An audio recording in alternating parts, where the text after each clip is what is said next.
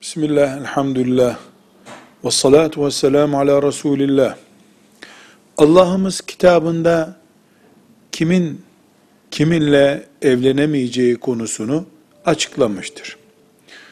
Teyzeler, halalar, nineler, yeğenler gibi yasaklar bellidir. Özellikle amca çocuklarının, teyze ve hala çocuklarının birbirleriyle evlenmesine yakın akraba evliliği deniyor. Bu yakın akraba evliliğinin dinimiz açısından hiçbir sakıncası yoktur. Bazı alimler bunu tavsiye etmeyiz şeklinde bir bilgi yazmışlardır ama başta Peygamber sallallahu aleyhi ve sellem Efendimiz'in kendisi ve çocuklarının evliliğinde yakın akraba evliliği uygulanmıştır. Allah bunu yasak etmemiştir.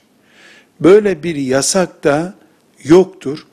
Akraba içi ilişkiler açısından sakıncası yoksa evlenilebilir. İstemeyen de zaten başka yerden evlenebilir. Velhamdülillahi Rabbil Alemin.